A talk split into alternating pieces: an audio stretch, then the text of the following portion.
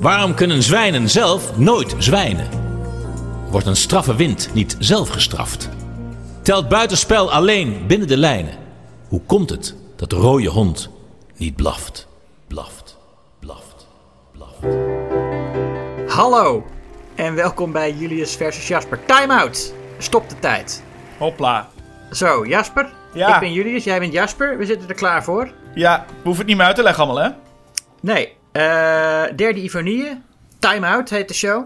Ja, of heet het Ivonie and Friends. Ja, zo staat hij op NPO Start. Ivonie en Friends, eh, eh, als je hem op NPO Start wil kijken. Maar het programma heet eh, Time Out. Ja, hij is uitgezonden op 2 maart 2013. En het gaat om dat er 100 keer gespeeld. Ze hebben het 100 keer gespeeld al deze show. Ik denk eh, delen van de show wel vaker. Gok ik van. Ja, er, zijn, er zijn delen die hij al sinds de eerste show speelt. Ehm, en we beginnen meteen met Ivonie, hè? Die, eh, Ja. die ja, verrassend. Maar die eh, zit op eh, laptop opnames te kijken. Van zichzelf. Van zichzelf. Ja. Ja. mooier kun je het eigenlijk niet samenvatten, dat beginbeeld. Ivonie kijkt naar zichzelf. Ja, En ja, dat hij toch op dat theater staat, dat legt hij ook altijd uit. Hij is een tv-man, maar hij eh, staat ook op het theater. Want, zo zegt hij, dan kan hij zelf vertellen wat hij vindt van Berlusconi. Toen dacht ik, nou, ik ben benieuwd. Tekst schrijven, videobeelden uitzoeken, liedjes maken, conferenties bedenken. Ik voel me echt nog steeds kuifje in Wonderland. Voor het eerst ben ik niet de vragensteller, maar kan ik zelf vertellen wat ik vind van Berlusconi. Hij legt even kort uit hoe het is gegaan. Hij eh, heeft drie shows, want hij zegt... Ja, zo'n zo'n registratie is altijd een beetje linker soep. Dus hij heeft drie shows opgenomen.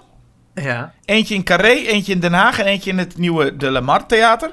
ja. En dan eh, zegt hij van ja, het is een beetje linker soep om het op te nemen, wat ik niet helemaal begrijp. Maar dan, dan, dan heeft hij dus die drie shows een beetje samengevoegd. En dan denk ik, ja, ik snap het ergens ook wel. Eh, Ja, je wil wel eh, de, de shots waar mensen het hardst moeten lachen. Precies, dus daarom heeft hij voor drie shows gekozen. En dan, ik had in ieder geval af en toe, ik weet niet of het heel consequent was, maar af en toe zie je ook in beeld dat het ergens anders is opgenomen. Dat zie je dan ook even. Maar het is goed dat hij dat van tevoren zegt. Dan weten we ook van, als je dan reactie van het publiek ziet, dan weet je, dit is waarschijnlijk dus de beste reactie. Ja, maar hij heet ons wel welkom alleen in Carré. Hè? Het is ook in Den Haag en ook in Nieuwe de Lamar. Maar het is in Carré, want dat vindt hij het belangrijkste natuurlijk, dat hij in Carré staat. Het eh, theater waar alle groten hebben gestaan. En dan noemt hij er drie. Toon Hermans, Sammy Davis Jr., Snip en Snap. Ja, dit is dan echt de beroemdste kleedkamer van Nederland met afstand. Hier hebben ze allemaal gezeten. Toon Hermans, Sammy Davis Jr., Snip en Snap. Dat zijn, dat zijn de, voor, voor hem de drie grootste theaterhelden. Ja. Ja. Ik weet niet eh, wat Sammy Davis Jr. ervan zou vinden dat hij in één adem genoemd wordt met Snip en Snap. Maar eh, Snap, Snap en David, Sam David Jr. Ja, ja en no Ivonie dus ook. Ik vind het een ja, mooi en, en rijtje. nu ook, nu ook Ivonie. Hey, Ehm, ja, het begint alvast eh, vertrouwd oh zeker. Hoppakee. met ja, zijn beroemde ja, aforismen. Tenminste, dat denkt hij. Het zijn gewoon een soort woordgrapjes. Ja. Die, nou ja, die we ook al eerder besproken hebben. Die komen uit het nummer Waarom. Waaraan is de dode zee gestorven? Waarom is de stille oceaan niet stil? Waarom sterft een weduwe soms onbestorven? Wie heeft de zoete versie van de bittere pil? En, de- maar, en, maar ditmaal zitten ze eerst niet in een liedje. Maar zie je ze zo in beeld verschijnen. En hoor je Ivo's stem op een soort ja, mijmerende filosofische toon die vragen stellen. Ja, met zo'n soort echo, alsof hij God is bijna. Ja, bij de laatste komt een echo. En de laatste is een van de minst indrukwekkende, vind ik. Want eerst is het waarom is de, waarom is de dode zee gestorven. Dat is nog wel een mooi beeld, weet je wel, van een zee die kan sterven. En, eh, eh. en dan denk je van, oh, dat zit nog wel iets in wat poëtisch is of zo. Maar de laatste is, Hoe komt het dat de rode hond niet blaft, blaft, blaft? blaft, blaft, blaft.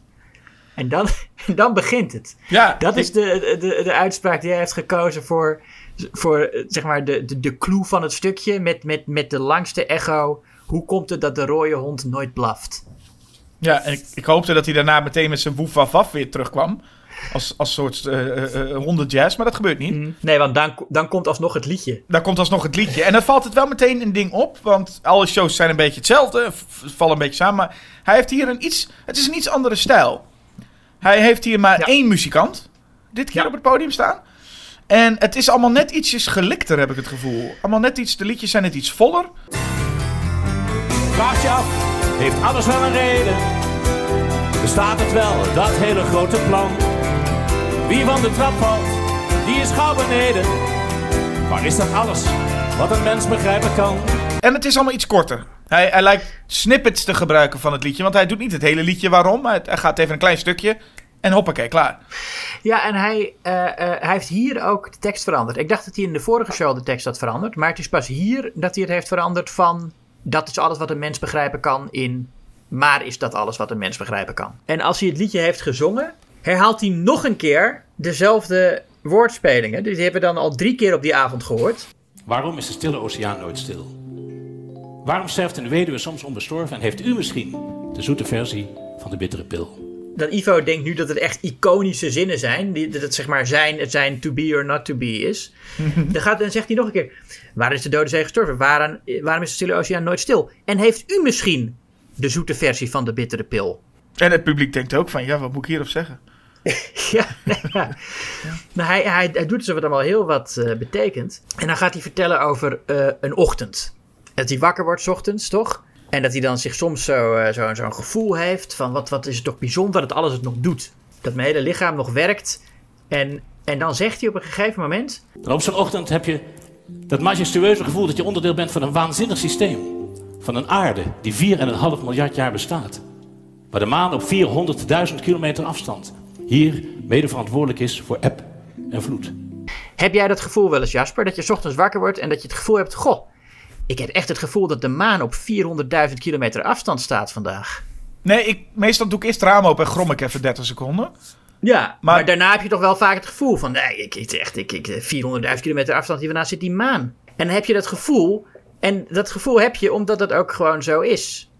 Het is niet dat je je voelt alsof je op een aarde bent die 3,5 miljoen, eh, miljard jaar oud is... En dat, dat de maan voor eb en vloed zorgt. Dat is niet hoe je je voelt. Dat, dat is gewoon zo.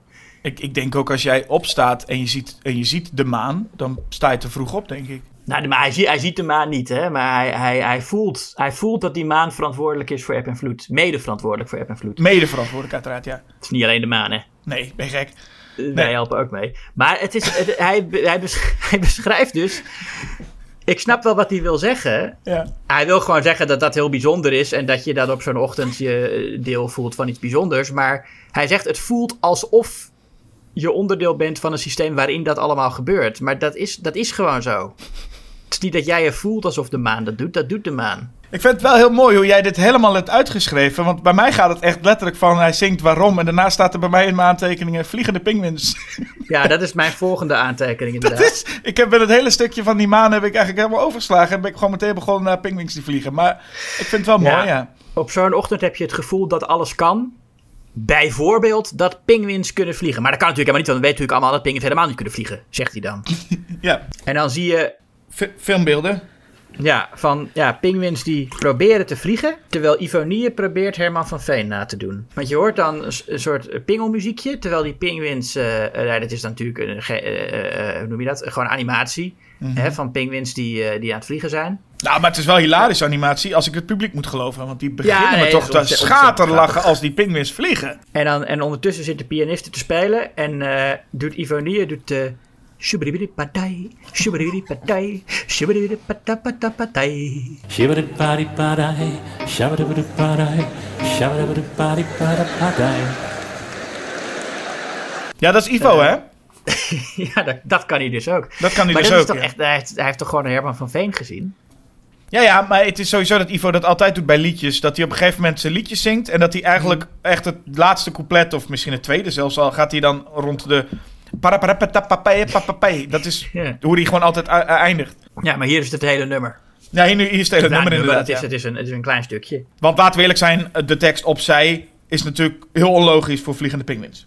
Ja, Ik dacht, oh, nu gaan we het. Want hij mag eindelijk, wat hij in een tv-show niet mag, maar hij gaat dus vertellen wat hij nou echt van Berlusconi vindt. nou wat vindt hij ervan? Jaloersmakend vindt hij vooral. Ja, hij heeft namelijk de derde echtgenoot van, eh, van eh, Berlusconi, die eh, deed de eerste communie. Je gelooft het niet, hè? Jaloersmakende relaties heeft hij ver in de 70 met allemaal jonge meisjes. Zijn aanstaande derde echtgenote doet vandaag haar eerste heilige communie. En dat was het. Klaar. Ja, Nooit meer over Berlusconi hebben verder. En toen dacht ik, Ja. nou, het is toch wel fijn dat je, dat je eindelijk op het theater eens een keertje mag zeggen wat jij er echt van vindt, Ivo. Nou, wat, nee, maar hij zegt wel iets meer. Hij zegt gewoon dat hij het jaloersmakend vindt dat hij allemaal relaties heeft met jonge meisjes. Hij Ja. zegt dat gewoon letterlijk, hè? Jaloersmakend. Allemaal relaties met jonge meisjes. En dan weet je meteen ook weer, oh ja, Ivo is ook gewoon een, eh, een vieze man. Ja, en, en, en het feit dat zijn orkest ook voor, voor een groot deel vertrokken is. Ja, ja, die vrouwen hadden er ook een keer genoeg van. Ja ik van nou, ik ben nu wel een keer klaar. En dan denkt hij van ja, gaat zie. Nou, ik vind het wel jullie smaken dat die Berlusconi, die, had zo de, die, die hield het podium wel vol. Maar nu, eh, hij heeft er nog maar eentje. Ja. Nee, maar dat is het dan, hè? Berlusconi wordt dan niet verder besproken. En ik was er ook niet van uitgegaan. Maar het feit dat hij het zo echt benoemt. Ik ben blij dat ik eindelijk eens mag zeggen wat ik nou van Berlusconi vind. Ehm, ja, dat valt, valt, valt nog mee. Ik kan me voorstellen Ja. dat Berlusconi deze show ook zag en dacht... Oeh, die zit een beetje met samengeknepen billen van wat gaat hij allemaal zeggen? nou, dat hij ook nog dacht van nou gelukkig, eh, het is niet te lang. ja, ik word niet helemaal kapot gemaakt door... eh, Gelukkig gaat hij snel door naar Sarkozy, laat ik het zo zeggen. ja, Sarkozy. En dan gaat hij het ook over, over, over namen hebben. Ja, want Sarkozy heeft een, heeft een, heeft een heftig liefdesleven. En, eh, en dan roept hij... Of je tegenwoordig, als je als politiek leider serieus genomen wil worden, of je dan een gecompliceerd liefdesleven op na moet houden. Dat wordt nog wat met Mark Rutte. En die zet hij echt in als een echte goede grap. Hè? En het publiek gaat ook wel los. Ja. Daarna, als hij dat gezegd heeft, dat wordt nog wat met Mark Rutte en het publiek lacht, komen die woorden even weer terug. Want dan zegt hij, wonderbaarlijk hè, ongelooflijk. Ja, ja. Want we hebben geen idee, hè? wat gebeurt daar in dat vletje achter die deur? Zijn daar huisdieren? Het is ongelooflijk, hè? Het is wonderbaarlijk. Ja, en ik weet inmiddels dat zulke woorden niks zeggen. Maar vooral in dit stuk denk je gewoon, dat wordt nog wat met Mark Rutte hè, wonderbaarlijk hè, ongelooflijk. Denk, ja, het, is- ja. Het is, het is, het is- dat maakt ook niet uit. Je gooit die woorden er gewoon ook echt maar gewoon uit als je het wil hè. En dan komt inderdaad de impact van namen in de politiek. Ja, nou ja, eh, Sarkozy vindt hij een mooie naam. Franse naam vindt hij mooi. Ja, Eh, dan zegt hij opeens Barack Obama. ja. Zo spreekt hij dat uit. Hij heeft iets met namen van Amerikaanse presidenten dat hij die niet goed uit kan spreken. Lincoln. En nou Barack Obama. Barack Obama. Mooiste, mooiste naam voor een politicus. Barack Obama. Maar eh, eh, ja. vindt hij ook een goede naam. En Bush. Maar en dan wordt het. En dan, eh, hij lijkt een beetje dan een soort George Carlin-achtig stukje te doen. Ik weet niet of je het stukje kent van Carlin over namen. En Nee. eh, dan heeft hij, het, eh, heeft hij het over de naam Kyle. En, en, maar hij vindt. eh, eh, ik, ik ga het niet na zitten doen, maar dat moet je maar even opzoeken. Ja. Eh, dat het Carlin beschrijft en hoe verschillende namen klinken en voelen. En eh, eh, ik denk dat Ivonie zoiets eh, wil. Nou, en als voor het wil, Ja. dan gebeurt het ook. En, maar, en, maar de pianist helpt hem hier ook. Dat is wel, deze pianiste zit ook, als hij praat, zit ze heel vaak een beetje te pingelen. En af en toe voegt ze accentje toe. En als Ivonie Bush zegt, dan doet ze zo ting. Bush. Bush. Ja, want dat is grappig. Bush, Ja, Bush, is grappig. Bush, Bush, grappig. En dan komt hij op Nederlandse namen. Want dat klinkt allemaal niet echt, hè? Nederlandse namen. Nee. Niet echt krachtig. Tot die bij de naam Jack de Vries komt. We hadden eigenlijk maar één, één in de vorige regering die de goede naam had. Jack de Vries, maar ja. Schijnbaar is dit opgenomen in het moment dat Jack de Vries... dat daar toen eh, wat, wat, wat de controverse was rondom hem. Kan ik me nog vaag herinneren. Ja. Want oh, hij hoeft maar te zeggen... Ja, we hadden Jack de Vries, maar ja. En het publiek snapt het al. ja, dat was toen dat heel actueel was, ja. Ja, maar dat, dus, dus hij hoeft niet eens de grap meer te maken. Hij hoeft er ook geen grap mee te maken. Hij kan gewoon zeggen... En er was ook nog iemand in het nieuws. En mensen ja, vinden het ja, leuk. precies. Ja. Dan komt hij bij de zin... Hoe vaak per jaar komt hier het jaarverslag uit? Moeilijk. Als het te snel gaat, hoor ik het graag, hè? Dus hij wil Ja. even bij het publiek wel duidelijk maken van... Weet je, ik, ik maak soms wel heel snel allemaal grappen. En, en die Ja. zijn ook echt wel moeilijk. Maar als het heel snel gaat, eh, gewoon zo... Ik zou zeggen, als ik in het publiek zat, had ik wel geroepen van... Het gaat echt te snel. ja, Maar dat is gewoon ook oprecht zo. Het gaat allemaal echt veel te snel. Hoe kom je hier... Hoe ben je, hoezo ben je hier nu? ja ik, weet, ik weet ook niet meer hoe die daar terecht kwam. Precies. Hij had ook nog een opmerking over het haar van Wilders er tussendoor. Ach, het is een wondere wereld geworden. Dat haar van Wilders, hè? Dat is toch eigenlijk gewoon één lange schreeuw om aandacht. Het is altijd ook een, een klassieke bron van humor. Ja, zeker. En, eh, en, en dan herhaalt hij ook nog eens eh, iets over Dan Quayle, eh, eh, Amerikaanse vicepresident, die heel veel domme opmerkingen heeft gemaakt, maar deze niet. Hij ging naar Latijns-Amerika en hij verontschuldigde zich tegenover de mensen van Latijns-Amerika. Hij zei: Sorry dat ik u niet in uw taal kan toespreken. Ik heb op school geen Latijn gehad. Dat is een bekend broodje aapverhaal, maar dat, dat is nou iets wat Dan Quill dus niet gezegd heeft. Verba verbaast me ook niet eh, eh, eh, meer inmiddels. Na Nee, zoveel Ivo, die, die, die liegt wat af. Waar is die tijd gebleven? Wonderbaarlijk, zegt hij. En waar is die loyaliteit en die onderlinge solidariteit uit mijn jeugd? Waar is die gebleven? Wonderbaarlijk. God, ja, want, ja, want hij heeft het over dat het niveau in de politiek zo omlaag is gegaan. En dat was vroeger wel anders. En dit is ook echt zo'n show waarin hij het meeste, volgens mij, speelt naar de nostalgie van het publiek. En, en van we moeten weer terug naar hoe het vroeger was. En dat was toch mooi. Nou, poeh, ja. Ja. En dan komt hij ook met zo'n praatje over vroeger. Ja. En daarbij begint het gepingel van die pianisten ook wel echt een beetje te irriteren. Mhm. Dat je denkt, hou eens op. Nou goed, eh, zij doet het ook maar omdat, om, omdat Ivo dat wil. Maar ja. Ja. Maar, ja, dan- maar het is echt zo van, waar gaat het heen met de wereld? Wat doen we tegenwoordig? Wat zijn we, waar zijn we nou mee bezig? Eh, En dan vertelt hij, eh, een, als ik te snel ga, moet je het maar zeggen. Maar dan komt hij bij dat mopje van, eh, ik had een boek gekocht voor een, eh, een, een kind van een vriend van me. En eh, ik, had, ik had het boek, gaf ik aan hem. En hij vroeg zich af waar de batterijen in moesten. En dan hoor, Nou ja. je, dan hoor je de herkenning in het publiek hè, van ja, dat heb ik ook. Ja, alles heeft batterijen tegenwoordig. Batterijen, dat is wat dat tegenwoordig. Sinds er batterijen zijn, hè? Sinds er batterijen zijn, is het een hele andere wereld geworden ook wel. Nou, ja, toch vindt hij Nederland wel fijn. Want het is een plek om lief te hebben. En dan gebeurt er weer iets raars. Dan heeft hij een fragmentje van Toon Hermans, van, eh, dat die, die een liedje heeft over Nederland. Eh, een Ja. plek om lief te hebben. En dan, maar dat laat hij steeds alleen maar die uitroep horen. Een plek om lief te hebben. En dan gaat hij een stukje vertellen en dan komt weer die Hermans uitroep. Ja. En wat Ja. hij noemt zijn ook echt volkomen lukraak gekozen dingen. Want eerst heeft hij het dan over, over Oeruzgan. En dat hij dat, zo, dat hij dat zo vreselijk en zo dom vindt. En dat is eigenlijk het enige moment dat hij echt gewoon een, een politieke mening lijkt te geven. Ja. Zonder grap. Maar over een heel specifiek onderwerp. En, zo, en wat doen we? We gaan weer naar Oeruzgan. Eh. En, dan- en dan denk je van, hé, maar eh, ja, oké. eh, en dat is het. En dat is, eh, dat, is, dat is het politieke commentaar. En daarna komt opeens een stukje Jeroen Pauw. En dan laat hij een fragment horen waarin Jeroen Pauw over eh, koningin Juliana zegt dat dat een kneusje was. Het zijn toch een beetje de kneusjes. Toch? Nou ja, Juliana, Christina.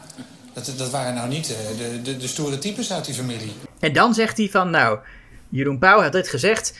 En in elk ander land zou, zou die meteen eh, de volgende ochtend bij de baas geroepen worden. Maar wij in Nederland houden van vrijheid van meningsuiting. En dan hoor je weer Toon Hermans schreeuwen. Een plek om lief te hebben. Ja.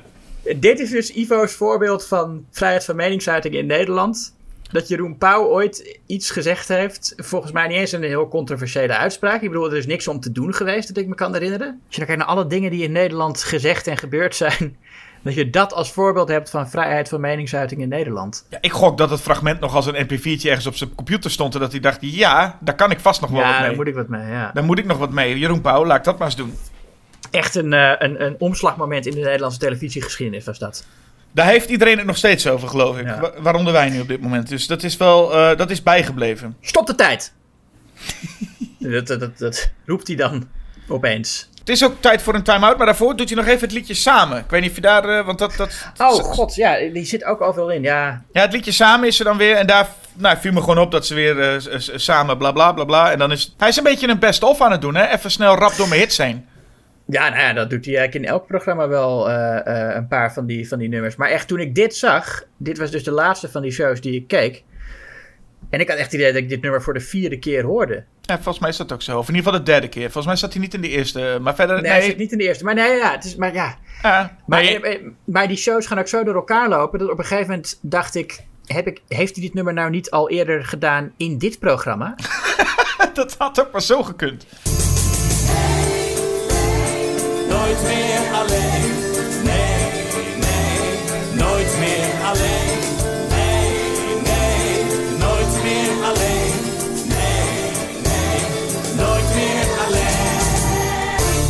En daarna is het niet tijd voor een time-out. Ja, En dan is er een, eh, de laatste, het liedje heet de laatste time-out. Eh, en ineens gaat het, gaat het beeldscherm aan achter hem. En dan sta, zit er een man in het wit op een piano te spelen. nee, gitaar. Of gitaar te spelen, sorry. Gitaar te spelen. Rosenberg. En, en, en die man die fikt gewoon van het scherm af, hè? Ja, ja. Het is een, er zit een engel daar. Want het, het, het is echt, het, op mijn beeldscherm ook. Het was gewoon een fel hemellicht kwam van die man af. Ja. En dan begint eh, Wieke Garcia te zingen. Volgens mij is dat toch die, eh, de Portugese dame die ook in de vorige show zat. Ja, zijn leraar is Portugees, inderdaad. En eh, Stochela Rosenberg begeleidt op gitaar. En het is een soort... Ja, hoe zou je het noemen? Wat ze zingen. Ik heb geen idee. Ik weet wel dat de montage zou ik jaren 90 noemen. Waarin zij zingt en dan vervolgens haar gezicht ook nog twee keer in de zijkanten verschijnt. Het is bijna nu zeg maar zo. Als je dit ironisch gebruikt, is eigenlijk al achterhaald. Ja. Om ironisch zo het in beeld te brengen. Iemand zingt en dan twee van die gezichten erin. En ik heb het gevoel dat Ivo het echt niet ironisch gebruikt nog. Hij gebruikt het hier omdat het mooi is als eh, je een gezicht ziet. En dan nog twee keer zacht zo dat gezicht er doorheen. Ja, hij vindt dit echt mooi. Hij vindt Ik, het echt ik weet niet of het een bestaand liedje is. Ik, ik herkende de melodie niet, maar ik had wel het gevoel dat het bekend was of zo. Het Palestijns conflict moet liefdevol geschikt. Nooit meer Oeruzgan. Nunca más. Nunca más. Dit nooit meer. Stop de tijd. Ik zat alleen maar te denken of, eh, of, of, of Wieke Garcia hier dit ook gratis deed. Oh ja. Want dat, eh, dat wilden ze de vorige keer wilden ze graag ja, gratis, voor altijd. hem, eh, gratis voor hem meegaan als ze mijn liedje mocht zingen. Dan mag ze weer. Misschien heeft ze er nu voor betaald, dat weet je niet. Maar eh, ze heeft hem nog meer lessen gegeven. ja, maar ze komt nu drie keer in beeld alle, tegelijkertijd. Dus ik, misschien, eh, nou, dan kost het je wel wat hoor, om op, bij Ivo Ja, podium daar heeft ze wel ook wel, wel nog langer les voor moeten geven aan Ivo. Ik neem aan dat Ivo nu toch Portugees spreekt als een gek. Dat lijkt mij wel. Maar eh, Ehm, ja, en hij, nou ja, eh, hij, hij heeft een soort. Het nummer gaat een beetje over van waar gaan we nou naartoe allemaal. En dan zegt hij af en toe: stop de tijd. Het is tijd voor een time-out. ja. Nooit meer Oeruzkan. Ja. Dit nooit meer. Nou ja, zo. ja, zo dacht ik tijdens dit eh, programma ook wel een paar keer. ja. Hij zei het over de tijd stilzetten daarna. En dan zegt hij ook, de, de tijd stilzetten. En dan zegt hij, En we gaan toch op een rare manier met die tijd om. Want van de ene kant zeggen we, ja, we willen niet ouder worden, het schiet maar op, het gaat te hard. En van de andere kant zeggen we, was het maar vast woensdag, dan is Ajax Feyenoord. Of was het maar vast volgende week, dan is oma jarig. toen dacht ik, wie de fuck kijkt er nou uit nadat ze oma jarig is? Ja, zeker die mensen in dat publiek. Die hebben geen oma meer. Nee. Maar, Het, maar, het, maar, het een beetje dat je. Ja. maar wie, wie, wie, wie de- is dat nou wat je kan bedenken aan mensen? Waar zouden mensen toch altijd naar uitkijken? Kijk, Ivonie hoeft nergens naar uit te kijken, want die heeft gewoon zichzelf. Maar waar ik denk dan waarschijnlijk, waar zouden normale mensen nou naar uitkijken? Nou oké, woensdag Ajax Feyenoord. Ja, maar vol, oh, was het maar volgende week, dan is oma jarig. Heb jij dat ooit gedaan? Was het maar volgende week? Nou, is als, oma- als kind is het toch leuk dat je naar opa en oma gaat. Nee, als kind is het leuk als je zegt, oh, was het maar volgende week, dan ben ik jarig. Er is niemand... Ja, hij, heeft ja. hier twee, hij moet twee voorbeelden bedenken waarvan je denkt, was het maar alvast dat. Mm. En dan denk je, was het maar dan, want dan is het vakantie. Was het maar dan, dan komt er, komt de visite. Maar je oma jarig? Ja. Go- God, was het maar volgende week. Dan Het, is het grote hoogte, naar hoogtepunt van het jaar. Kijk, en dan komt het stuk, jij refereerde er al in de vorige... Ik snap het hoor, deze, af, deze shows lopen al door elkaar. Dan komt het stuk dat hij iedereen eigenlijk wil zeggen, doe eens wat anders. Oh ja, spreek een boodschap in voor de piep. Ja, neem thuis eens Ja. een andere stoel. Spreek een voicemail in voor de piep. Ja, eerst, eerst vertelt hij nog iets over Einstein trouwens. Wat hij ook eh, verzonnen heeft, of ergens vandaan, ik weet het niet. Maar het is nog niet iets wat Einstein heeft gezegd over een trein. De enige reden dat jij een trein in vijf seconden voorbij ziet gaan... is dat je in die tijd zelf vijf seconden ouder bent geworden of zo. Ik snapte dat niet echt, maar goed, dat schrijft hij Einstein toe. Nee, en dat moet ik zeggen. Daar had ik dus bij dat, zei een van zijn mopjes. En dat vond ik ook heel wat. Dat ik, zijn- ik snap zijn mopjes gewoon niet. Zet de weegschaal voor de ijskast. Ik snap toch niet. Zet de weegschaal maar eens voor de ijskast. Ik dacht, wat? En wat en dan? Wat gebeurt er dan? Maar Ja. waarschijnlijk is de bedoeling... Je zet hem voor de ijskast. Betekent dat je jezelf weegt voordat je iets gegeten hebt. Ja, Ja. nee, en zodat je dan, zodat je dan af kunt vallen, want eh, dan ga je dus niet eten. Als je, als je op, op de weegschaal staat, zie je van, oh, ik ben al zo zwaar, dus ik kan maar beter niet eh, die, Oh, zo. Ja. Ja. nee, ik las het dus als van... Ga eerst op de weegschaal staan. En dan ga pas ga je naar de ijskast. Oftewel... Je hebt jezelf gewogen als je nog niet naar de ijskast... Ik weet, ik- maar goed, misschien denk ik er veel te veel over na. Nee, nou ja, nee. Ik, ik, ik denk dat de grap is zoals ik hem uh, begreep. Maar, ja, dat denk uh, ik ook. Maar dat, ik, ik, ik, ik vond het verbazingwekkend dat ik er zo lang over na moest denken. Ja, dat zit je ook. Heeft, Ivo heeft je gewoon op een gegeven moment in, in, in, een, in een staat gebracht waar je gewoon permanent in verwarring bent. Ja, en, en dan komt hij toch weer met. En dan dacht ik, oh gelukkig, deze mop heb ik al eens gehoord. En, en dan, dan lukt het me wel. Want hij heeft weer een mop van Ombertus. Oh, god, ja. En Ombertus was echt de komiek van de familie. Dus ik dacht, nou, die man zal wel vol zitten met moppen. Maar hij vertelt gewoon diezelfde nog nee, die vertelde ook elke avond deze mop. Dus ik denk, ja, Ombertus was misschien ook een klein beetje seniel aan het worden. Want hij, hij vertelt elke keer dezelfde mop waarschijnlijk. Maar nou ja, dat is de mop die uh, Bertus vertelt. En voor de luisteraars die deze aflevering op een of andere manier voor het eerst luisteren. Ombertus' mop, nou ja, wat is het ook alweer? Als je later niet dik wil worden, moet je vrijgezel blijven. Een vrijgezel komt s'avonds thuis, gaat naar de ijskast, vindt er niet wat hij zoekt en gaat naar bed. Een getrouwde man komt s'avonds thuis, gaat naar bed, vindt er niet wat hij zoekt en gaat naar de ijskast. Maar dat hele principe wat ik dus zeg over die grap van ik snapte hem niet, dat zit gewoon verderop in de show nog steeds. Want hij praat iets over dat Ma Matthijs van Nieuwkerk komt voorbij. En Ja. er zit een moment dat hij zegt dat vrouwen, of dat iedereen Matthijs van Nieuwkerk sexy vindt. En iets over dan 2, 3, 4 mei. En dan is hij even stil. Ja. En dan zegt hij tegen het publiek: Ik heb nog nooit zo weinig reactie gehad. En toen dacht ik: Ja, ik, ik snap het ook niet wat er gebeurt. Nee, die, die was echt een, eh, tamelijk bizar. En als de schepping perfect was, zou niet bijna elke Nederlandse vrouw en elk meisje tussen de 15 en 65 een beetje verliefd zijn op Matthijs van Nieuwkerk. Dan zouden er ook 2, 3 of 4 mei misschien. Dit is bijna de honderdste avond dat we deze voorstelling spelen en zo weinig reactie hebben we eigenlijk nog nooit gehad. Wonderlijk. Als de wereld perfect was, hoefden we niet aan inburgeren te doen. Hij heeft het over dat de wereld, de schepping niet perfect is. En, Ja. dan, zegt hij als de, en dan zegt hij iets van: in een, in een perfecte wereld zouden alle vrouwen en meisjes aangetrokken zijn tot Matthijs van Nieuwkerk. Dus in een perfecte wereld zou dat zo zijn. Dat, Ja. dat snap ik al niet. Nee. En dan zou er op 4 mei. Nee, 2, 3, 4 mei zegt hij dan. Oh, op 2, 3, 4 mei. Ja, en dan is hij stil. En dan zegt hij, nou, ik heb nog nooit zo weinig reactie gehad. Dat snap, dat snap ik, maar je zit midden in je verhaal. Nee, ik ben er ook echt stil van. Als ik nu uh, een jouw verhaal ga vertellen en ik val midden in mijn verhaal, hou ik op en dan zeg ik tegen jou, nou, ik heb nog nooit zo weinig reactie gehad. Denk, het, het verhaal is toch nog niet klaar? Nee, maar het verhaal is ook tot op dat moment geen touw aan vast te knopen.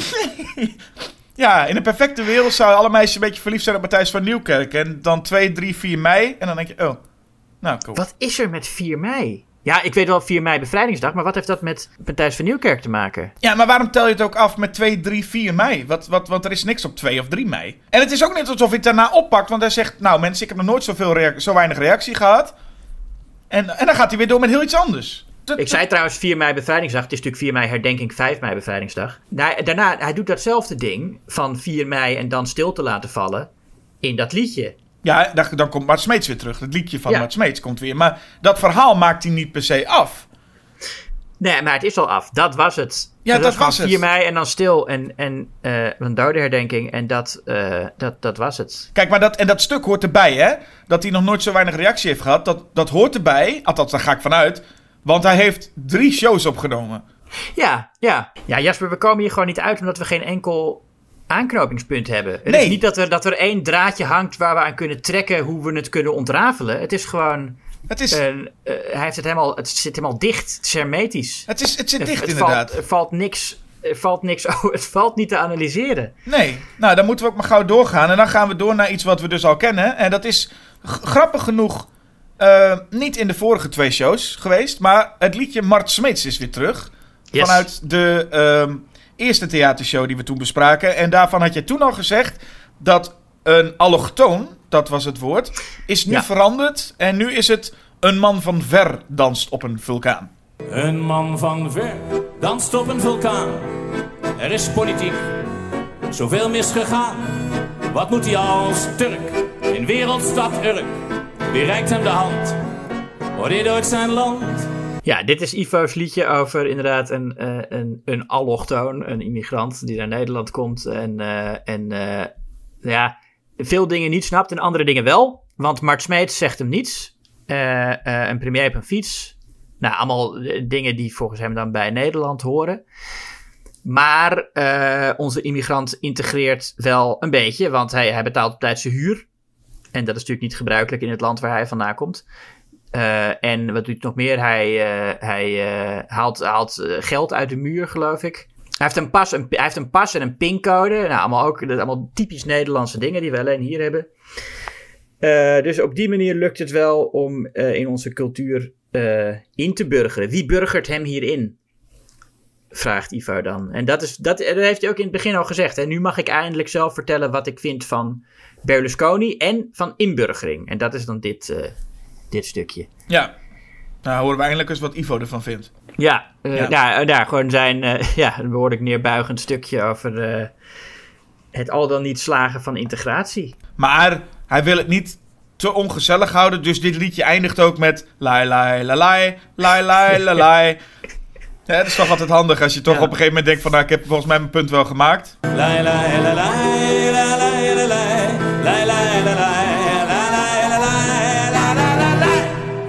Zeker als je bij ook nummer doet. En als je een gevoelig liedje maakt, echt met een boodschap... dan, eh, dan werkt het goed om de laatste refrein gewoon even nog lai, la, lai te doen. En dat, over dat gevoelige is natuurlijk wel... dat is wat hij hierna weer doet. Hierna komt er weer een stukje over dementie.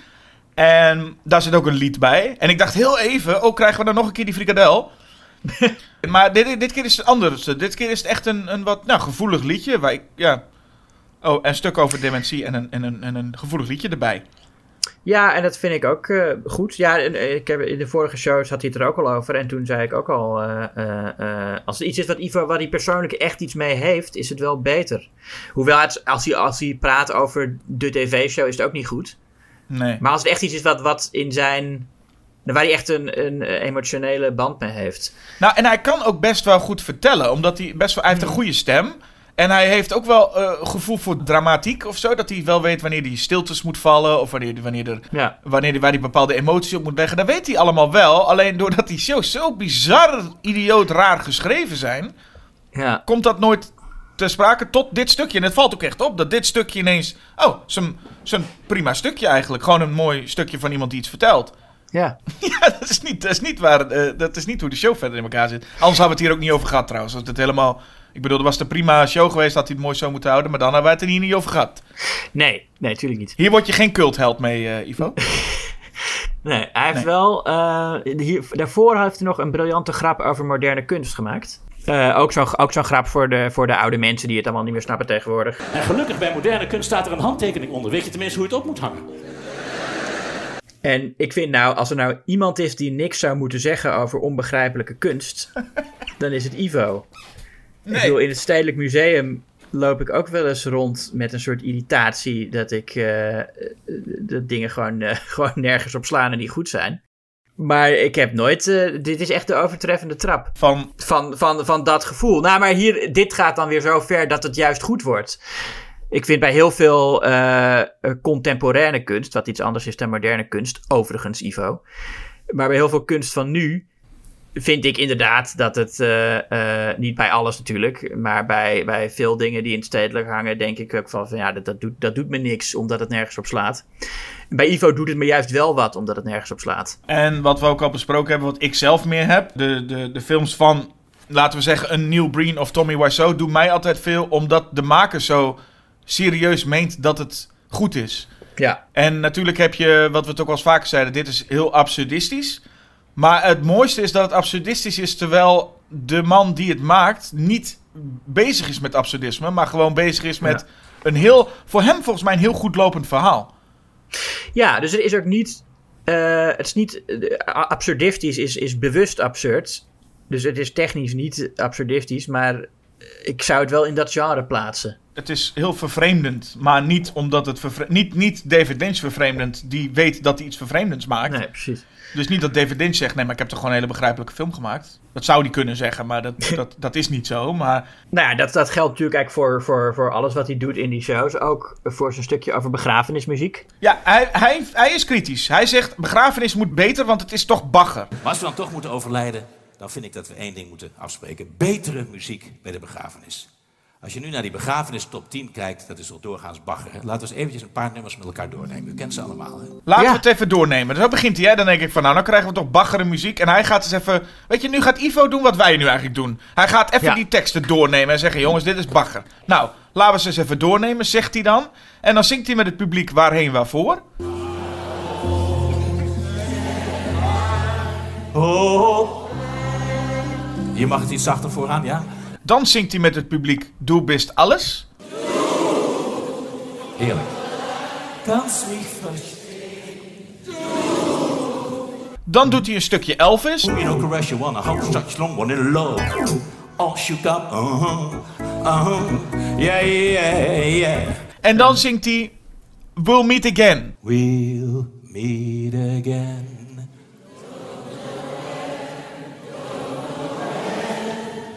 En dat vindt hij dan zelf ook heel prachtig als mensen dat zingen. Dan zegt hij, och, je gaat Ja. toch eigenlijk aan je begrafenis eh, ver- verlangen als je dit zo hoort. En dan vraag ik mij af, wat was nou precies bagger? Want daar begon je mee. Je begon te Ja. zeggen, begrafenismuziek is bagger, jongens. Laten we het maar eens even doornemen. En dan denk ik, nou komt de kritiek. Die komt er niet, want eigenlijk alles wat daarna gehoord wordt is gewoon... ja, nou, hij, wil, hij wil iedereen alles laten meezingen. Het is gewoon een excuus om een paar meezingers erin te gooien. Ik de, als hij waarheen waarvoor een slecht nummer vindt, dan komt dat in elk geval niet uit. eh, wordt het niet duidelijk. Nee, dan moet je niet je publiek laten meezingen. Dan moet je gewoon meteen zeggen, nou, waarheen waarvoor was, laat het op jongens. Zullen we het even ontleden? Ja. Maar nee, dat, eh, dat gebeurt niet.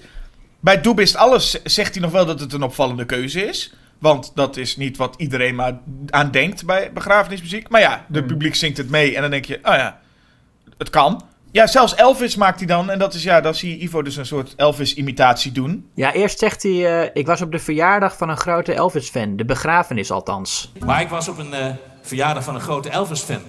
De begrafenis althans. En dan ging het heel anders. Zegt hij, ik was op een Hij verjaardag. zegt: Ik was op de verjaardag van een Elvis-fan. De begrafenis althans. Nou ja, ik bedoel. Het kan natuurlijk dat je je verspreekt. Maar ik vind het zo'n rare manier om het op te lossen. Om dan te zeggen: De begrafenis althans. Ja, dan voelt het een beetje alsof, de, alsof het een fan was van Elvis begrafenis. Toch? Ik was, ja. het was een, Ja, een Elvis Ik heb fan. de Nou, nee, verjaardag van een fan die groot fan is van de begrafenis van Elvis. ja, hij was een Elvis fan. Nou ja, de begrafenis althans. Daar was hij fan Ja. van. Maar verder, de Elvis die muziek kon hij niet hebben. Maar toen iemand doodging, ah, daar is zo Ja, fan begrafenis was ook heel mooi. Dat was een mooie begrafenis. Eh, maar dan komt inderdaad Ivo's eh, Elvis-imitatie. Nou is Elvis niet moeilijk te imiteren. Ik zou zeggen dat het misschien wel een van de meest geïmiteerde mensen is. En als je wil zien hoe je dat moet doen, kun je ook... Het is vaak heel makkelijk om iemand te imiteren als je al een andere imitatie hebt gezien. Weet je wel? Dan zie je van, oh ja, die dingen en zo. En, dat, en dan doe ik gewoon dat na. Dat is bij meesten ook altijd zo dat meestal de imitaties op een gegeven moment nagedaan worden. En niet de, Ja. eh, niet de persoon zelf zelfs. Ja, maar ik denk niet dat Ivo wel eens een Elvis-imitatie gezien heeft. Ik heb er eigenlijk vraagtekens bij of hij Elvis gezien heeft. Ik weet niet eens of hij dat inderdaad gezien heeft. Ik denk dat Ivo net zo vaak naar Elvis heeft gekeken als naar rap. Ja. Want als Ivo moet rappen, doet hij dat op dezelfde manier als dat hij nu eigenlijk ja, Elvis nadoet. En ik was al bang voor, maar de camera gaat dus ineens dichtbij en laag. En Ja.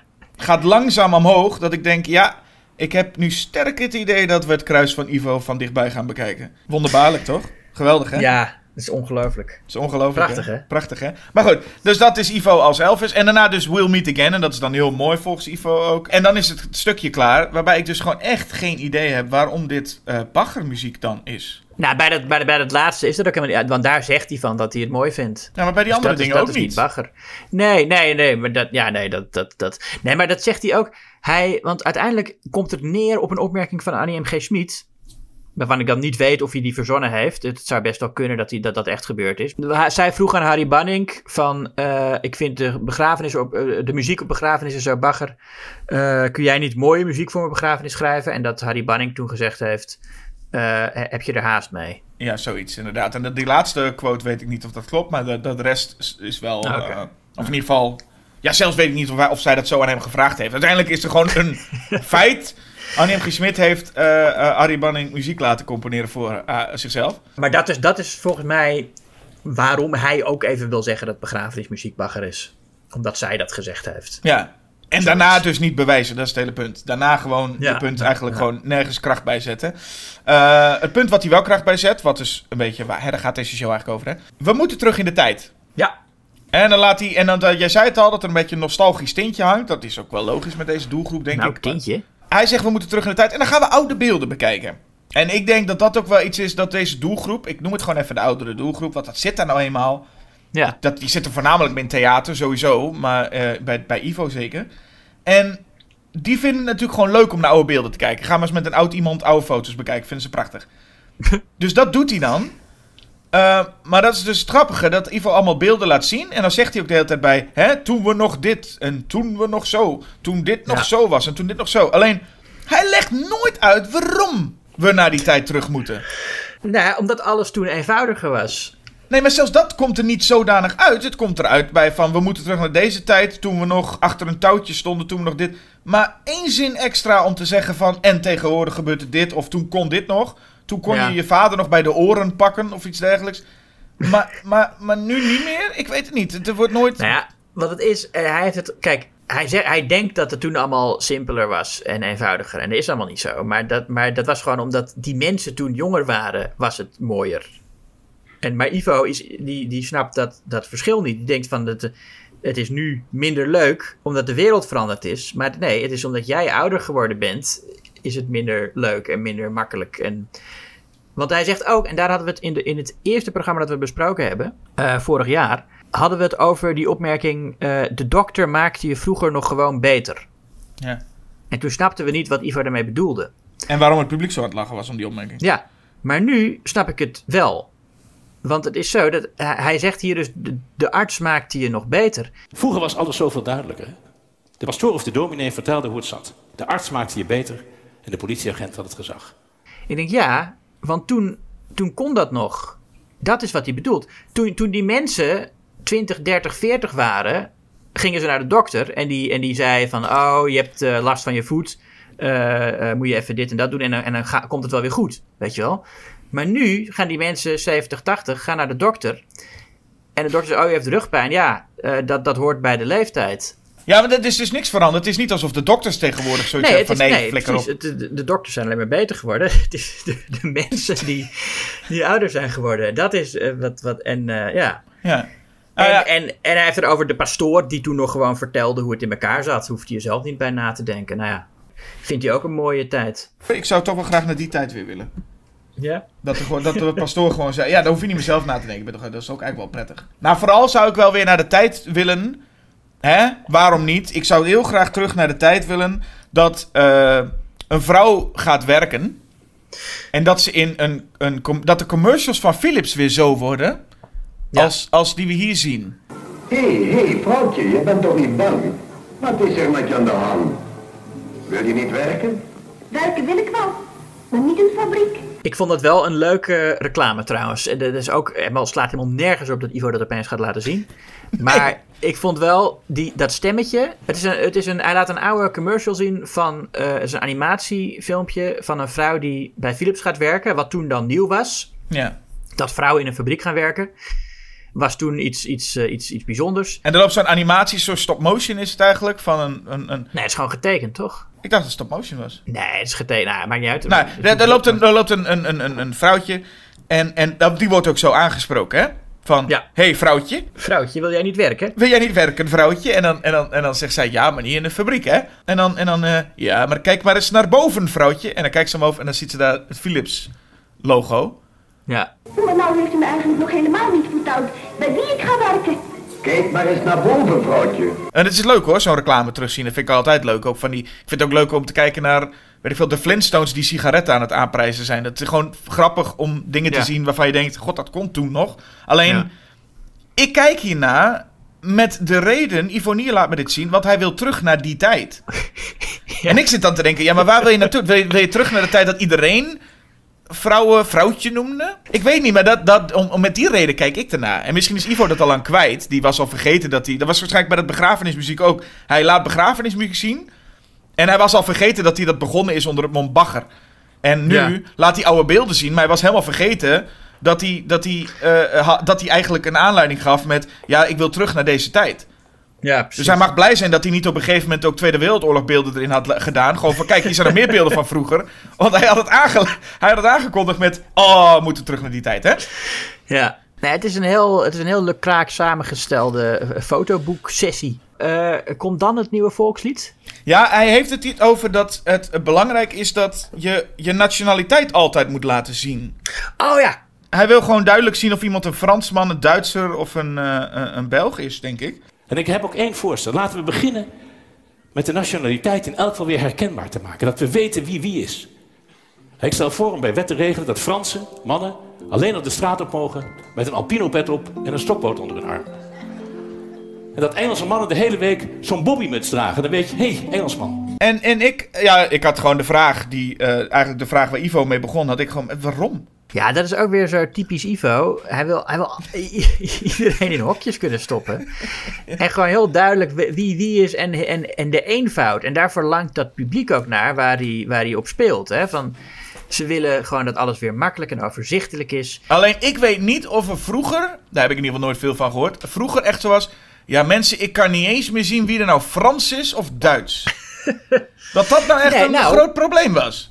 Nee, dat niet, niet letterlijk natuurlijk. Maar wel, je wist vroeger wel wie katholiek was en wie protestant en wie joods. Ik bedoel, in de tijd dat Ivonie opgroeide, ja. was dat gewoon duidelijk. Dus en, en dat is ook de tijd waar hij het over heeft en waar hij vindt dat we naar terug moeten, zegt hij in deze show. de, de, de, ja, dat, eh, toen, toen, het nog, toen het nog overzichtelijk was, toen er nog een verzuiling was. Uh, ja.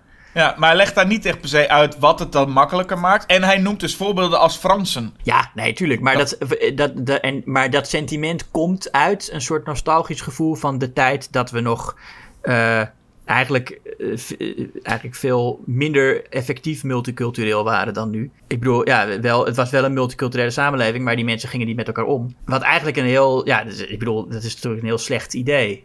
Maar het wordt op een, hij, hij romantiseert dat via het idee van dat alles overzichtelijk is. En, en dat, is, dat, is, dat is nogal hypocriet van Ivonie om te zeggen. Als je zulke onoverzichtelijke shows hebt, om dan naar, naar overzichtelijkheid te, te, te, te, eisen. Maar goed, hij, hij oppert vervolgens dat hij een nieuw volkslied heeft voor Nederland. Ja, en ja, het zou me ook niks verbazen als Ivo uh, verbaasd is dat dit lied nog steeds niet het officiële volkslied is. Het zal, het zal, neem ik aan, heel vaak naar, uh, naar de koning gestuurd zijn, toch? Van, jongens. hij, heeft, hij heeft dit ieder jaar opgestuurd en gezegd: hé, hey, uh, doe nou. Vergeten jullie niet dat ik nog een volkslied heb? Wanneer gaan we dat invoeren? 2020? Maar goed, dan moeten we ook wel, denk ik, naar een ander volkslied. Iets minder van Duits bloed, iets meer vanuit het hart. Doe een voorstel. Hij heeft een nieuw volkslied voor Nederland. Samen met uh, Ernst Daniel Smit. Ja, daar kom je later achter als er ineens die, uh, als, als er een naam bij die stem komt. Ik dacht, toen hij begon, begon met het liedje, dacht ik de hele tijd, waarom staat er een slager achter hem? Dat is dus, er staat er zo'n man, gewoon een grote man, en die staat er zo wit, wit gekleed, en die staat er zo met zijn armen over elkaar. Ik denk, ik snap, ik snap er niks van. Er komen er allemaal beroepen voorbij of zo, ineens een bouwvakker of wat dan ook. Maar ineens komt oh, de tekst uh, Ernst Daniel Smit. Toen dacht ik, oh. Ja, ja ik, ik, ik herkende hem wel. Hij is een operazanger. Ja, ik, ik, ik herken hem ook toen de naam er ook stond. Maar ik kon van die oh, afstand kon ik niet zo zien wie, wie, oh, wie het was. Ik... Zou inderdaad, als je, als je niet weet wie het is, dan is het heel raar dat er opeens een, een man op dat scherm verschijnt. Ja, ja en dan echt met ja, zo'n wit ding aan. Dat leek me gewoon... Ja, dus ik, nou ja, goed. Maar ineens, Ernst Daniel Smit, die kende ik dan ook wel. Dus ik wist, die gaat zo zingen. En die ging ook zingen. Ja. Uh, en die gaan samen zingen over hè, samen zijn. En... Ja, zo'n volkslied. En het is eh, echt zo'n typisch lied, net zoals dat lied voor de koning. Waarin allemaal dingen genoemd worden als typisch Nederlands. Die helemaal niet typisch, die gewoon op elk land toepasbaar zijn, weet je wel. Mijn Holland, land van vrienden. Land van morgen vroeg weer op. Waar het dronken zijn nooit lang duurt. Want de vlag moet weer in top. Mijn Holland, land van vrienden, land van morgen vroeg weer op. Nou, waar het dronken zijn. ja. Ja. Waar het dronken zijn nooit lang duurt, want de vlag moet weer in top. Ja. Het, is eigenlijk ook, het is eigenlijk misschien wel heel Nederlands, zit ik naar te denken. Want het is best wel een beetje pessimistisch. Van, nou, we niet te lang dronken zijn, we morgen vroeg weer op. Ik vind het niet heel, heel feestelijk uh, klinken. Holland zei ik ook niet goed dan, hè? Nee, nee, dat is inderdaad... Uh, nee, precies. Nee. Maar ze zingen dat wel. En uh, Ernst Daniel Smit zingt op een gegeven moment ook... Dat kleine lage landje vocht zich opnieuw steeds vrij. Dat kleine lage landje, dat vind ik eigenlijk, dat vind ik zo, ik, vind het, ik erg me er heel erg aan als mensen zeggen dat we zo'n klein landje zijn, want we zijn geen klein land. We zijn klein in vergelijking met Amerika, maar in vergelijking met alle landen ter wereld zijn we gewoon gemiddeld. We hebben een, een, een gemiddeld aantal inwoners op, een, op een relatief klein oppervlak. Maar hè, dus het aantal inwoners is, is, is echt niet uh, uh, klein. Je denkt ook trouwens dat zo'n volkslied of zo'n lied moet heel erg gaan over wat er zo goed is aan Holland. Of Nederland eigenlijk dan. Maar wat zij zingen is dan een paar mooie dingen. Dan zeggen ze, zo'n gedachte aan Holland doet Ja. je goed. Nou, het is dat kleine lage landje vocht zich steeds opnieuw weer vrij. Zo'n herinneringen aan Holland maakt me blij. Dat zingt Ernst Daniel Smit ook. Ja. Maar eh, alsof hij herinnert hoe vaak Nederland zich vrijgevochten heeft in de geschiedenis. Alsof hij nog weet van, oh ja, tijdens de 80-jarige oorlog, ja, dat, eh, dat herinner ik me nog wel. Ja, precies. Dat is dan nog een herinnering. Maar, of in ieder geval Ja. iets. Maar hij, hij, op een gegeven moment soms iets op met onder het mom van ja, zo'n gedachte. En dan is het. Dan Ja. lijken ze het meer op te sommen als zijnde. Dit zijn dingen die. Ja, het was mooi geweest als dat, als dat kon hier. Ja. Ja. En, en ik weet niet of dat nou heel erg werkt in je volkslied. Om dan te gaan dingen te gaan zingen die je niet bent. Maar nou, het zou wel mooi wezen. Als iedereen, iedereen nou met elkaar overweg kan. Nou, dat zou mooi zijn. Geen jaloezie, maar tederheid, de toekomst tegemoet. De gedachte aan zo'n Holland doet je goed. Nee, dus eh, ons oordeel voorlopig, eh, Ivo, eh, nog, niet, eh, nog, nog, nog nog niet goed genoeg om het officiële volkslied te worden. Nee, ik zou, ik zou de clip ook nog iets aanpassen, denk ik toch. Oh ja, al die kinderen. Al die Er kinderen. Zo'n zo, zo'n kinderkoor. Dat Ja. is ook wel echt mooi hoor. Mijn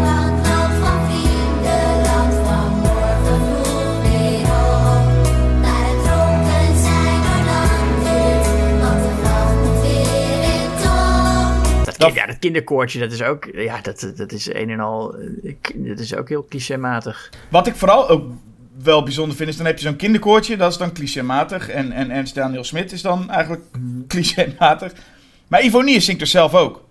Ja, nou ja, het is wel, dat is wel om met Monique van der Ven te spreken, eh, dapper. Dat hij zichzelf een duet geeft met eh, Ernst Daniel Smit. En dat ze ook gewoon echt, eh, niet, alleen dat ze allebei eh, een couplet hebben. Hij gaat ook gewoon het laatste refrein, zingen ze samen. Zingt hij mee met, met, met Ernst Daniel Smit op band. Waarbij Ivo natuurlijk de noot een stuk minder lang aanhoudt. Nooit lang bij de pakken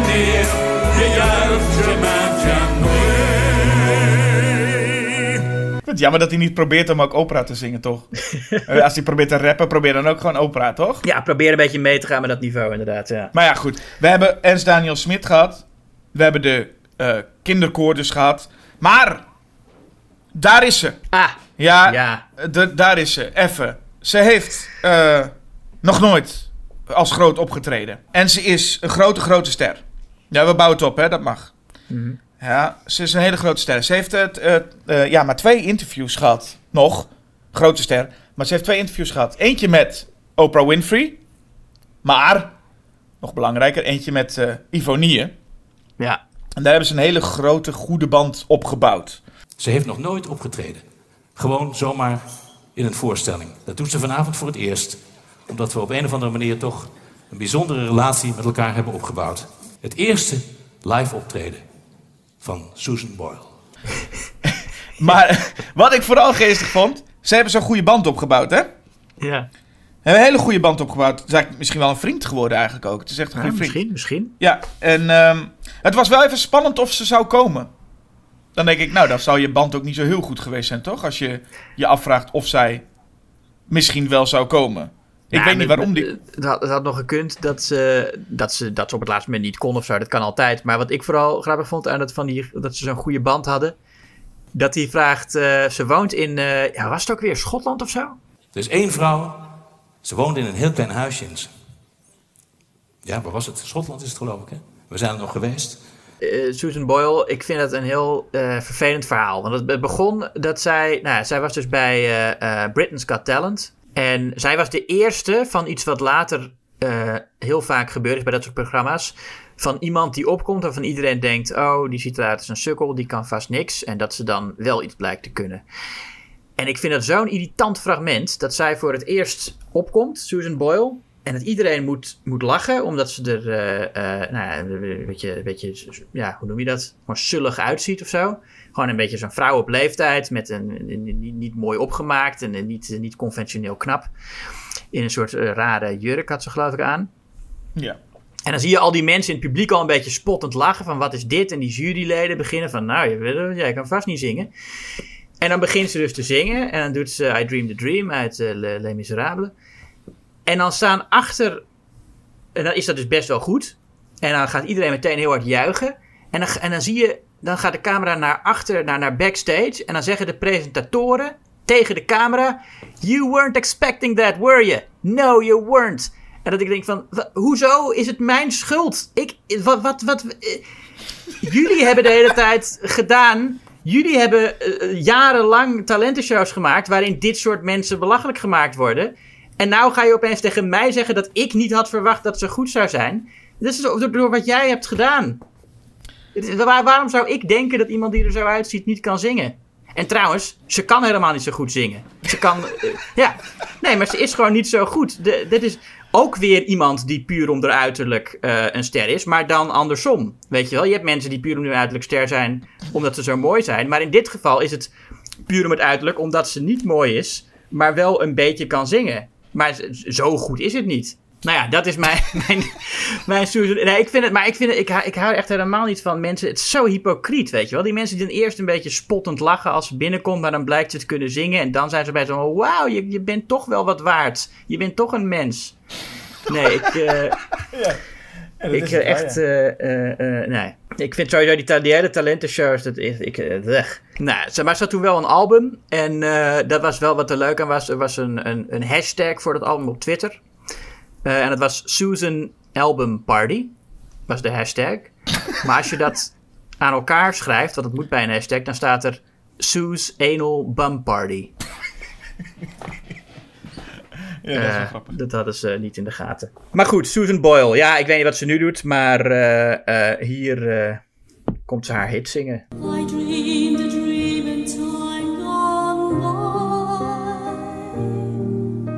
Maar, maar Ivonie presenteert het ook als een soort van... Nou, hier is de superster. En dat is natuurlijk Ja. altijd als je, eh, als je dan zo'n show hebt en je kijkt het nu. Laten we heel eerlijk zijn. Dan denk je niet, hier is een superster.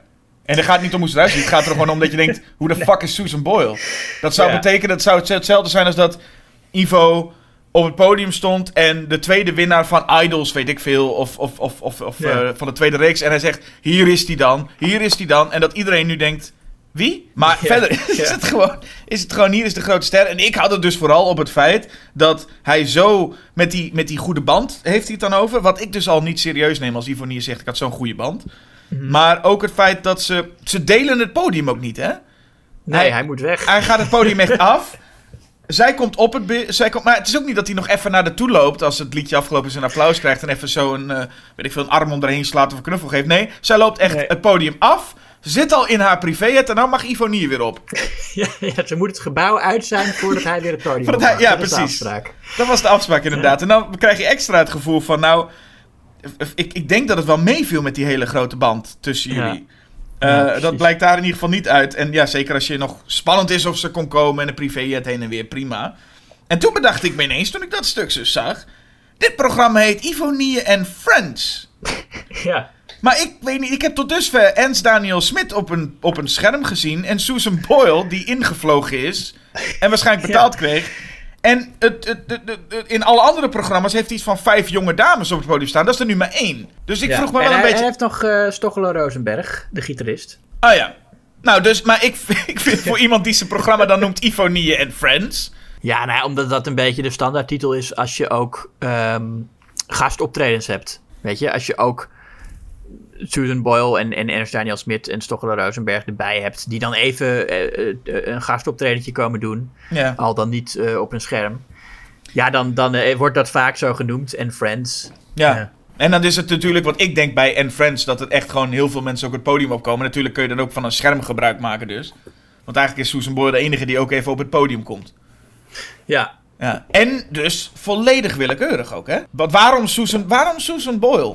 Ja, ja om, omdat zij gewoon eh, op dat moment net doorgebroken was. En voor mij wat, wat net, net die CD uit had, die heel vaak verkocht is, waar Ivo ook nog een punt van maakt. Ehm, en, om, en omdat ze kon of zo. Ja, dat is het een beetje. Het was, en, het, en het is ja, de eerste optreden. Dat is ook wel. Het is natuurlijk niet iemand die heel erg gewend is aan eh, concerten geven. Of nou, sterker nog, dit was de eerste keer dat ze zoiets doet. En dan is het gewoon het, het enige nummer waarmee ze bekend is geworden. Eh, eh, eh, I Dream the Dream uit Les Miserables. Dit is ja, het is wel een beetje. Het is, ze is een grote ster en iedereen kent haar. Maar het is ook niet iemand die een hele, ja, die, die, die dit soort dingen doet. Dus het is wat dat betreft denk ik wel een, een, een makkelijke om, een, om zo op die manier een grote ster in je show te hebben.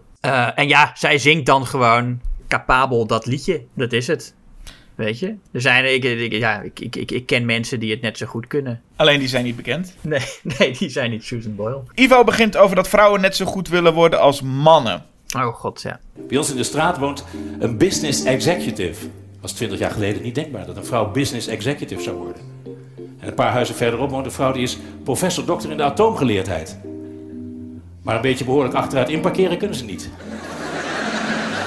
God, wat moeten we daarvan zeggen? Soms, weet je, soms is het heel raar, maar soms zijn het ook gewoon zulke oude, afgezaagde niksgrappen. En eh, ja, kom op, vrouwen en inparkeren. Wat, wat, wat, ja. Ik moet zeggen, als ik nu mijn aantekeningen lees, want ik schrijf niet alles uit. Ik bedoel, ik ga niet de hele tekst uitschrijven. Als ik nu mijn aantekeningen lees, wordt het wel nog iets cruwer dan Ivonie zegt. Want ik heb nu hier staan, vrouwen willen net zo goed als mannen worden, maar kunnen niet inparkeren en vrouwen lijken op honden. dat Ja, is wat mijn dat, tekst komt hierna dan. Hij had ook nog een, nog een andere, nog, nog zo'n seksistische grap. Als je tegenwoordig als man ontbijt op bed wil, moet je in de keuken slapen. Ja. Dat was er nog een. Ja, eh, eh, ik merk dat het echt de stemming een beetje verpest, hè, die oude grappen van hem. En vrouwen hebben nog een probleem, meer dan wij mannen. Als je als vrouw een te intense relatie met je hond opbouwt, ga je er toch op lijken. En dan krijg je dus afbeeldingen van bazen die op een hond lijken. Ja, dezelfde, dezelfde foto's als in de vorige eh, show. Ja, maar er zitten ook gewoon mannen tussen. Ja. Dus weg, weg, weg brug, weg Ja. punt, weg. Gewoon, oké. Wat dan wel leuk is, is dat Ivo nog eindigt met een stukje bescheidenheid. Oh, Dat is de les. Dat bekendheid en roem niet bijdraagt aan levensgeluk. Hij gaat namelijk naar een taxichauffeur, hij wil naar huis. oh ja.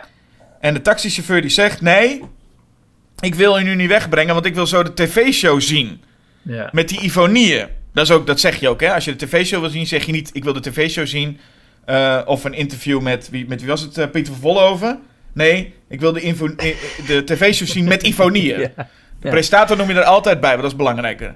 En nou ja, dat is dus heel bescheiden, zegt hij, hè, want die man herkent Ivonieën dus helemaal niet. Nou, dat wordt hij met beide benen op de grond gezet. Maar de anekdote begint bij dat een man zegt, ik wil niet werken, want ik wil fucking Ivonieën kijken. Hoe bescheiden is je, is, is je anekdote dan nog? Ja. En dan zegt Ivonie van, hier heb je 50 euro. En dan zegt eh, de taxichauffeur, Ach, stap maar in, laat die van hier ook de kleren krijgen. Historisch. En dan is hij, nou ja, dan, heeft hij, dan zegt hij nog wel iets wat wel eerlijk is, denk ik, op een bepaalde manier.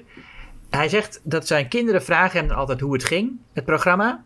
En dan zegt hij, En dan worden de kinderen morgen ontwakker. En die vragen hoe was het in Carré? En om indruk te maken, geef ik dan altijd antwoord in de buitenlandse taal. dus hij geeft nu wel toe dat hij dat van die talen, dat hij dat echt doet om indruk te maken op mensen. Ja. En dat als zijn kinderen hem dus vragen hoe de, hoe, hoe de voorstelling voor hem ging, dat hij dan om indruk te maken altijd antwoord geeft in een andere taal. Dus die kinderen die vragen, hey pap, hoe ging het? En hij zegt good. En dan zegt die kinderen, wauw. Dit is echt... En elke avond een andere taal, hè? Dus ik, ik weet niet hoeveel talen hij dan eh, kent. Of, of dat hij gewoon elke avond iets in een andere taal. Dus eh, gewoon eh, dat hij tien avonden lang in het Duits hetzelfde antwoord geeft. Dat kan ook. hij heeft deze show in ieder geval 100 keer gespeeld, zegt hij dus. Ja. Het zou wel mooi zijn. En dan zegt hij de eerst goed. En dan zegt hij nou goed. Ja. ja. Dan zegt hij nou goed. En zij denken alleen maar, oh wauw. Wauw, Ivo. Wauw. Daar ben, je, daar ben je na honderd keer ook nog steeds van onder de indruk, hè? Ja. Dat is ook een beeld wat hij heeft, dat je, dat, je kinderen nog, dat je kinderen nog steeds onder de indruk zijn van jou.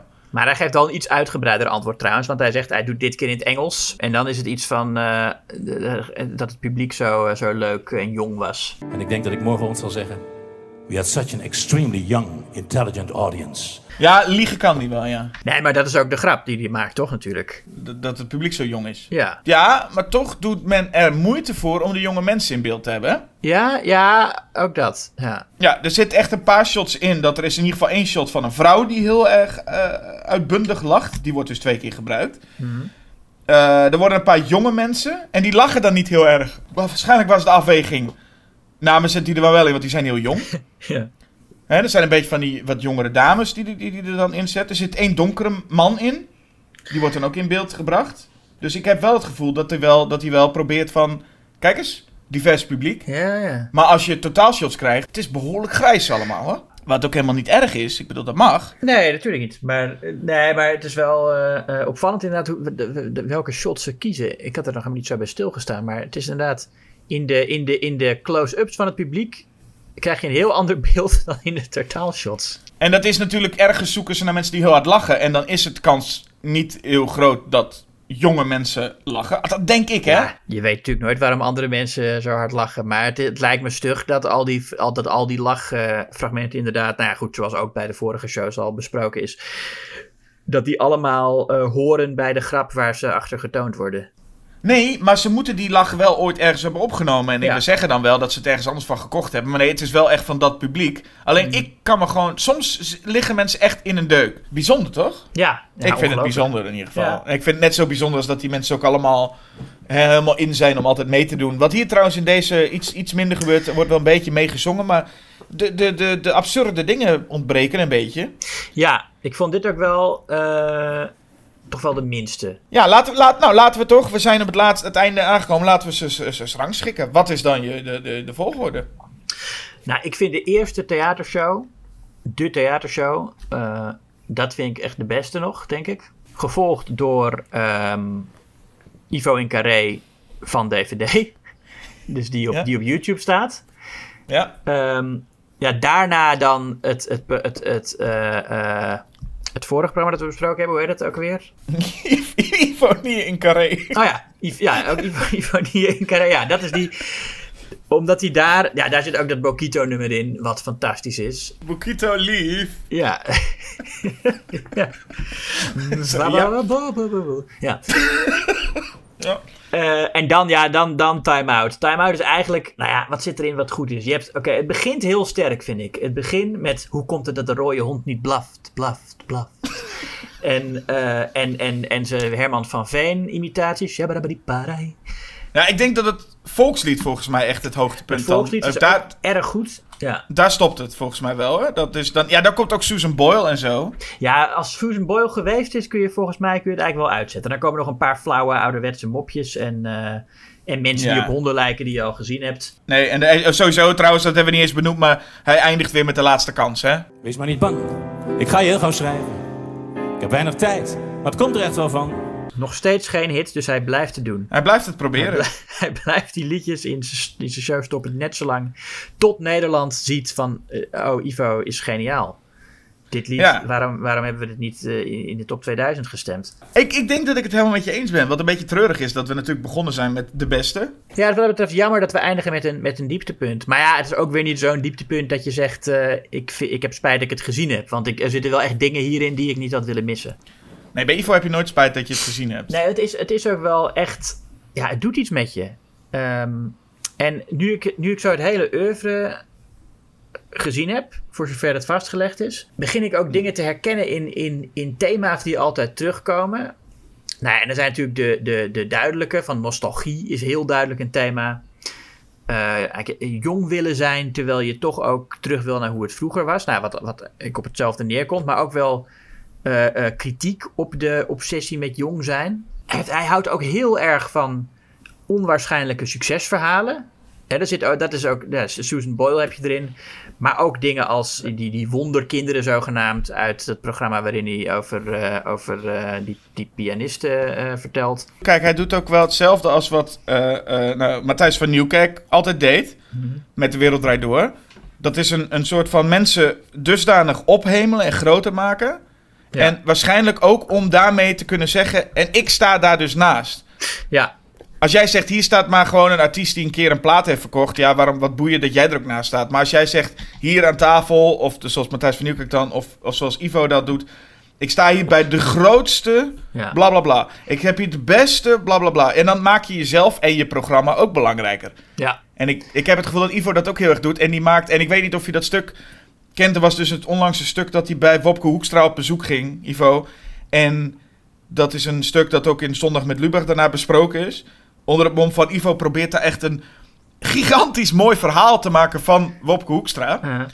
En geforceerd zeg maar met, ja, maar jij bent ook nog eens een keer een topsporter. En iedere keer alle ingangen die hij geeft, gaat Wopke Hoekstra een beetje met... Nee, dat is niet echt zo hoor. Dat is niet echt zo. Dat is van, jullie hebben elkaar ontmoet in... Weet ik veel, ik, ik verzin nu maar wat. Maar in, jullie hebben elkaar ontmoet in de jungle in Afrika. Nee, het was een kroeg in Zwolle.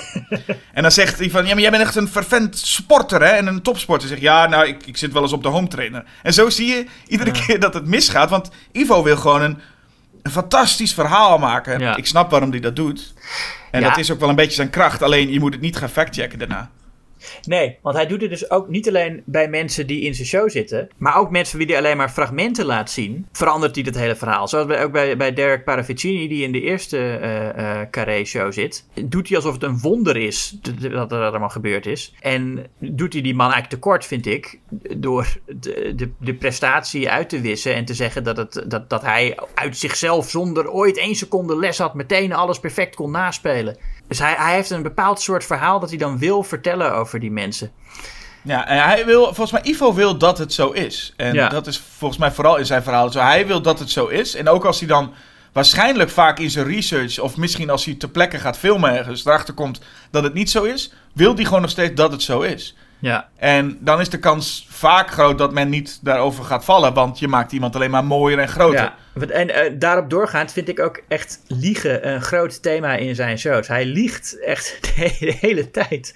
En niet op een manier... Kijk, eh, natuurlijk, een, een, een cabaretier vertelt op het podium verhalen over zichzelf die niet waar zijn. Hè? Maar je kan dat geloofwaardig doen en niet. En ehm, het maakt niet uit of het waar is of niet.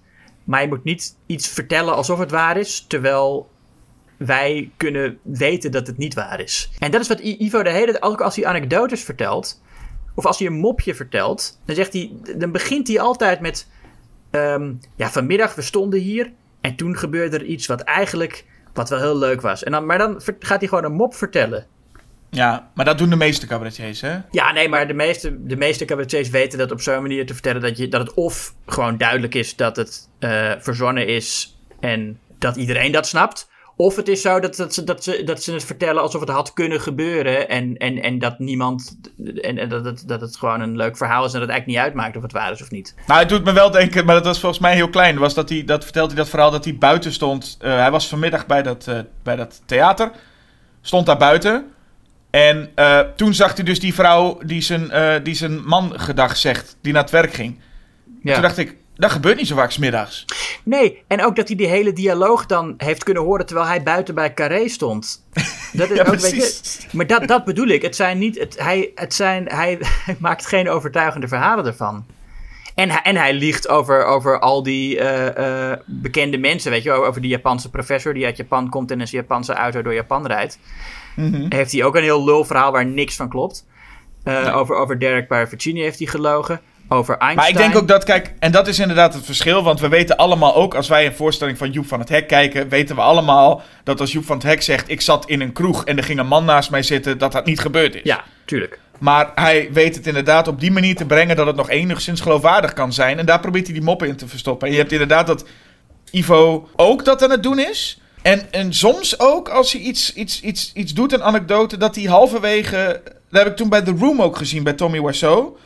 Dat hij soms een, in zijn scenario een script schreef dat iemand, bij iemand binnenkwam thuis. En aan het einde van de scène hing die op.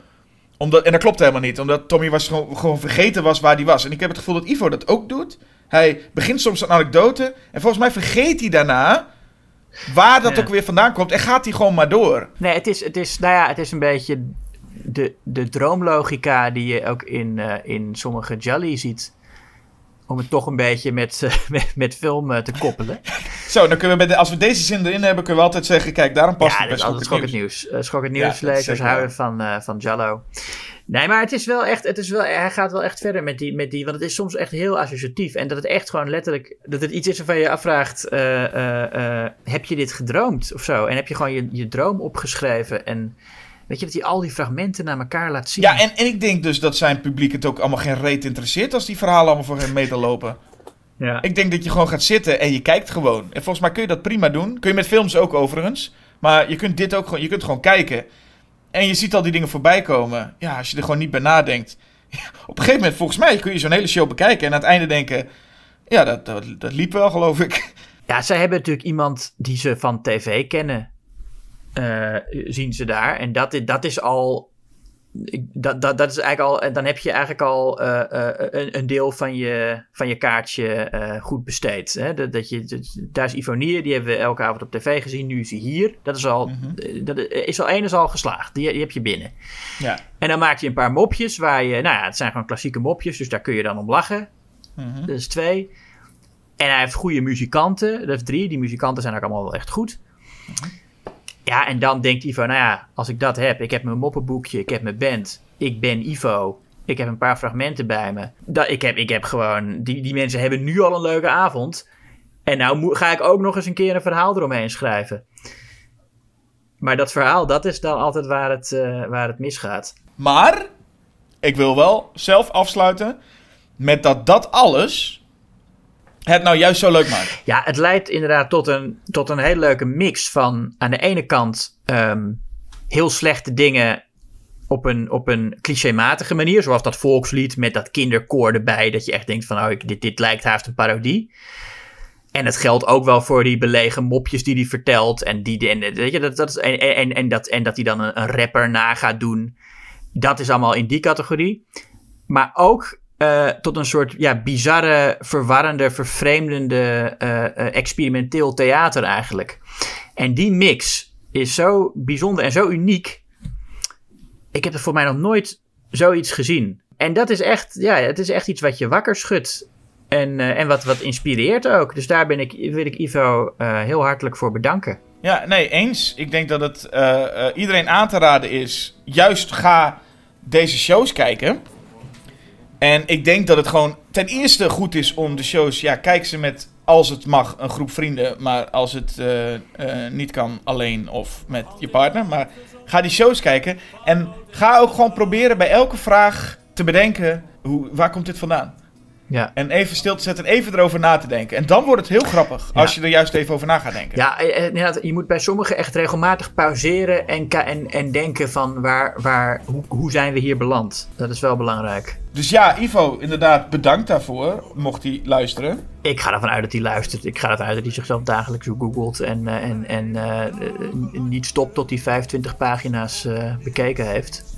Dus daar zullen we vast wel een keer tussen zitten. Misschien komt hij wel eens een keer in de podcast te gastje, dat zou leuk zijn. Ja. Maar eh, nee, we, we, we hebben er in ieder geval weer veel plezier aan gehad. Mocht je als luisteraar nou denken van... hé, hey, maar ik heb ook ergens op zolder een Ivonie theatershow liggen... die we nog niet besproken hebben. Ja, stuur hem op, hè.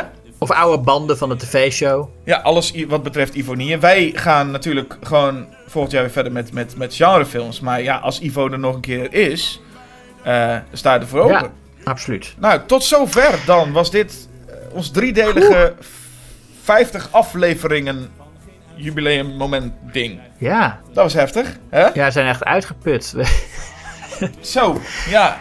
Want dit kwam dan allemaal eh, los van elkaar uit, maar we hebben het wel in één ruk opgenomen. Ja. Ik heb het inmiddels donker zien worden. Ja, het is, oh jezus, het is al laat, hè? Het is al laat, dus ik zou zeggen, eh, tijd om eh, even af te kicken van Ivo. Ja. Eh, ja, Ivo, het is nu wel. Ja, je moet, som- je, moet, je moet ook niet te ver gaan. Hè? Want ik heb dus nou twee keer dit jaar. heb ik alle drie die programma's in één dag gekeken. Het gaat je ook niet in de koude kleren zitten. Dus Nee, ik wil nou wel even gewoon eh, iets normaals zien. Dus, eh, Ja. nou, hey, eh, eh, heel gelukkig nieuwjaar. Bedankt voor het luisteren naar al deze 50 afleveringen. Als je dat gedaan hebt. Als je dat niet gedaan hebt, dan bedankt voor het luisteren naar deze. En, en, en Julius, bedankt voor al eh 50 afleveringen. Deze podcast natuurlijk. Ja, jij ook bedankt daarvoor, Jasper. Alright, nou, namens Ivonie, ik spreek nog een keer zijn legendarische eindwoorden uit. Dank, tot ziens, dag. Dank, tot ziens. Dag. Hand in hand van rood en wit en blauw. Dat Holland is het land waarvan ik hou. Dat Holland is het land waarvan ik hou.